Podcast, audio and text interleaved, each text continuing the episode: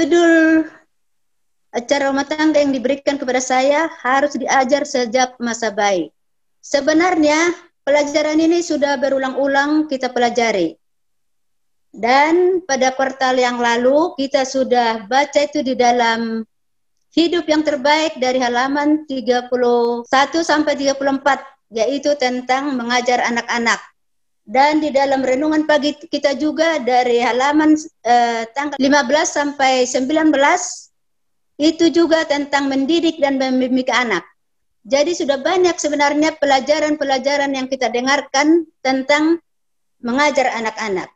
Dan hari Rabu yang lalu juga sudah dibicarakan oleh pendeta bukan hanya dari bayi anak itu diajar, tetapi dari mana? Dari masa kandungan. Ya, itu sudah jelas. Kalau sekarang sudah enak, banyak pelajaran-pelajaran yang kita dengarkan, banyak buku-buku yang kita baca. Kalau pada zaman kami dulu, hanya satu saya pegang, yaitu membaca buku membimbing dan mendidik anak. Hanya itu modal saya untuk uh, mengajar anak-anak ini, mengarahkan anak-anak ini supaya menurut, ya. Hanya itu. Kalau sekarang sudah banyak ada dari YouTube, ada dari mana-mana, dari Alkitab, renungan pagi, hidup yang terbaik, dan uh, pelajaran rumah tangga. Kalau saudara-saudara mau ikuti hari Senin sore, ya, hari Senin sore, Pendeta Kuntara membuat acara rumah tangga. Cari aja di Hop Channel juga ada, di Hop Channel.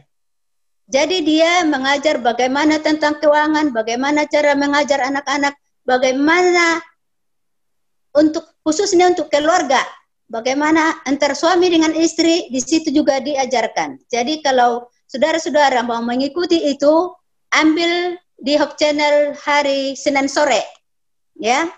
Jadi sudah banyak yang kita pelajari, cuma dikatakan seperti di sini harus kita ulang-ulangi untuk mengajarkan yang baik itu kepada anak-anak kita dan mulai dari dalam kandungan kita sudah harus ajar dan itu membawa dia nanti kepada kebaikan apabila dia sudah lahir. Dan sesudah bayi, sudah lahir, 85% dikatakan di buku Nene White, 85% dikatakan di situ untuk uh, membentuk karakter anak itu menjadi menurut. Ya, dari 1 sampai 6 tahun kita harus ajar anak itu untuk menurut. Ya. Kita harus ajar mereka untuk menurut. Tetapi ada beberapa orang orang tua mengatakan demikian. Kan anak itu kan masih kecil. Mereka belum tahu apa-apa. Jadi kita biarkanlah dulu mereka sampai agak besar, baru kita ajar katanya. Ini sebenarnya salah ya, salah. Di sini dikatakan salah. Salah. Kita harus ajarkan penurutan kepada anak-anak itu mulai dari 1 sampai 6 tahun itu yang paling kuat. Kalau lewat dari situ mereka sudah bisa berpikir sendiri. Mau mereka bagaimana, mau mereka bagaimana, sudah mereka bisa ber, uh, berpikir sendiri. Dan dikatakan di sini sebelum kuasa berpikir diperkembangkan, salah satu dari pelajaran-pelajaran yang pertama yang perlu dipelajari oleh seorang anak ialah penurutan. Sebelum ia menjadi cukup dewasa untuk berpikir, ia harus diajar untuk menurut. Ya, jadi itu ditekankan itu harus kita ajar anak-anak itu untuk menurut. Ya. Sebelum kemauan sendiri tumbuh menjadi keras, sedikit saja orang tua yang mulai lebih awal mengajar penurutan kepada anak-anak itu. Dan mereka tidak mau membuat disiplin kepada anak-anak itu. Kalau kita membuat disiplin kepada anak-anak itu, kita harus lakukan, ya. Kita harus lakukan. Jangan kita buat disiplin, tapi kita langgar, itu tidak boleh. Contoh, ada satu lembar kertas putih, kalau kita menulis di itu, uh, kata-kata yang baik itulah yang ada di situ. Kalau kita menggambar kembang di situ, itulah yang ada di kertas itu. Dan begitu juga anak-anak ini. Kalau kita membentuk mereka menjadi anak penurut dari bayi dari saat 0 sampai 6 tahun di situ untuk membentuk karakter mereka untuk menurut. Dan contoh satu lagi. seperti pohon. Kalau kita bengkokkan pohon itu pada waktu kecil, sesudah besar kita, kalau kita luruskan dia pasti bagaimana? Patah. Anak-anak itu juga begitu. Kalau kita tidak ajar mereka untuk menurut dari 0 sampai 6 tahun, 6 tahun, anak itu akan sukar kita ajar untuk menurut. Jadi kita sebagai orang tua harus uh, berusaha untuk mengajar anak-anak kita uh, bagi keluarga-keluarga muda ya. Kalau kami sih sudah lewat dari situ. Jadi keluarga-keluarga muda lah dan dikatakan di sini orang tua harus menjadi contoh kepada anak-anaknya. Ya, ini jelas dikatakan di sini. Orang tua harus menjadi contoh kepada anak-anaknya. Kalau orang tua membuat disiplin atau peraturan di rumah itu harus dilakukan. Jelas. Jadi jangan kita buat peraturan kepada anak-anak padahal kita melanggarnya. Mungkin contoh-contoh kita udah tahu lah. Apa contoh-contoh itu kita udah tahu. Jadi kalau kita buat itu, kita harus lakukan, ya. Kita harus lakukan. Tidak perlu diadakan dengan cara yang keras untuk mengajar anak-anak itu. Tidak perlu harus dipukul anak-anak itu. Tetapi kita harus kasih sayang, manis budi untuk meyakinkan mereka bagaimana mereka supaya menerima menerima apa yang kita ajarkan kepada mereka. Jangan sekali-kali membiarkan anak-anak menunjukkan sikap yang tidak hormat kepada orang tua mereka. Ini jelas sekali ya, karena banyak kita lihat anak-anak tidak hormat kepada orang tuanya, melawan kepada orang tuanya. Anak-anak, dengarkan di sini ya, jangan sekali-kali membiarkan anak-anak menunjukkan sikap yang tidak hormat kepada orang tua. Kita harus menurut apa yang dibilang orang tua. Kalau kita membiarkan itu, sih kita sebagai orang tua kita salah. Jadi kita harus tegur anak-anak itu. Uh, kalau mereka berkata-kata salah, kita harus tegur supaya jangan diulangi lagi. Ya, pernah si Kenji apa si Kinan? Ah, opungnya bilang begini sama aku.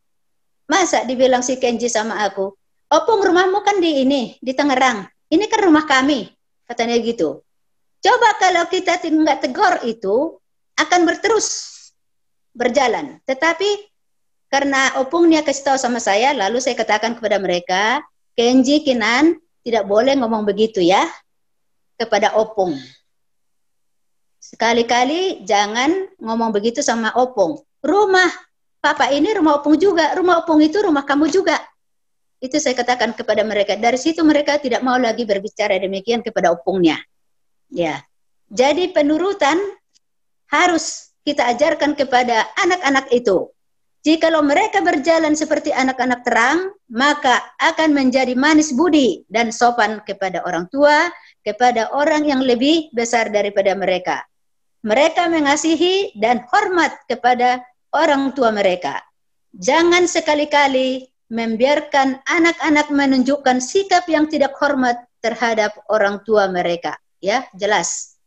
Jadi anak-anak dengarkan, jangan sampai melakukan atau berkata-kata yang tidak baik kepada orang tua. Harus dihormati, harus sopan santun untuk berbicara kepada orang tua dan kepada yang lebih besar daripada kita ya. Karena dikatakan di sini jelas dikatakan hanya orang yang menurut akan masuk surga. Ya, jelas dikatakan di sini Berarti kalau kita tidak menurut kepada orang tua, kepada yang lebih besar, kepada Tuhan, berarti kita nggak masuk surga. Ya, anak-anak dengarkan itu. Hanya orang yang menurut akan masuk surga, dikatakan di sini. Jadi kita harus menurut kalau mau masuk surga, ya. Kalau kita mau masuk surga, kita harus menurut kepada orang tua, kepada yang lebih besar kepada kita, dan kepada Tuhan yang pencipta kita. Mereka yang tidak mau menurut kepada Tuhan, di sini tidak akan menurut juga kepada Bapa yang di surga. Ya, jikalau orang tua atau anak-anak pada suatu hari akan disambut masuk ke dalam rumah yang di surga, dia harus menurut di dunia ini. Baru mereka diterima di surga dan kita harus menurut di dunia ini yaitu tentang hukum-hukum Allah. Jadi apa yang ada di hukum itu kita harus turuti supaya kita nanti diterima di dalam kerajaan surga ya. Dan kadang-kadang ada begini. Orang tua membuat suatu uh, disiplin di dalam keluarga itu. Tetapi pada waktu salah anak itu orang ibunya uh, menasehati atau membuat disiplin kepadanya tetapi bapaknya tidak mengikuti istrinya ya dia membela anaknya Saudara-saudara, kita tidak boleh demikian. Kalau kita untuk mengajar anak-anak itu supaya mereka menurut kita harus sejalan, suami istri harus sejalan untuk mengajar anak-anak itu. Ya. Dikatakan di sini para bapak ini di dalam uh, renungan pagi tanggal 19. Para bapak dan ibu haruslah setiap pagi dan setiap petang harus berkumpul, mengumpulkan anak-anak itu, mereka bernyanyi, mereka membaca Alkitab dan mereka berdoa. Ya. Jadi kita harus usahakan itu jangan karena pekerjaan kita jadi lupa kepada siapa? Kepada anak-anak. Karena anak-anak inilah inilah nanti yang ditanya Tuhan kepada kita. Kalau anak-anak itu hilang itu nanti yang ditanya Tuhan kepada kita. Apa jawab kita kepada Tuhan nanti kalau anak-anak itu hilang? Jadi kita harus berusaha mengajar anak-anak itu. Orang tua harus banyak berdoa, minta pertolongan kepada Tuhan untuk membantu kita untuk mengarahkan anak-anak itu supaya mereka menjadi anak-anak penurut kepada orang tua terlebih kepada Tuhan. Ya. Jadi seperti yang dikatakan di dalam uh, Tadi Pak Pendeta sudah bacakan itu ulangan 6 ayat 7. Ulangan 6 ayat 7, haruslah engkau mengajarkannya berulang-ulang kepada anak-anakmu dan membicarakannya apabila engkau duduk di rumahmu, apabila engkau sedang dalam perjalanan, apabila engkau berbaring dan apabila engkau bangun. Jadi kita sebagai orang tua jangan bosan-bosan untuk mengajar anak-anak kita supaya mereka menjadi anak-anak penurut. Kalau mereka sudah menurut pada waktu kecil, nanti sudah besar juga mereka akan menjadi anak-anak yang berhasil. Inilah acara rumah tangga yang diberikan kepada saya. Kita berdoa. Bapak yang di surga, terima kasih Tuhan kami ucapkan kepadamu karena berkat dan pimpinan Tuhan kepada kami hingga pada saat ini. Kami telah mendengarkan firman-Mu Tuhan, yaitu bagaimana cara mengajar anak-anak kami supaya mereka menurut. Biarlah Tuhan memberikan kepada kami orang tua hati yang lemah lembut untuk mengajari anak-anak kami agar anak-anak kami dapat menerima apa yang kami katakan kepada mereka.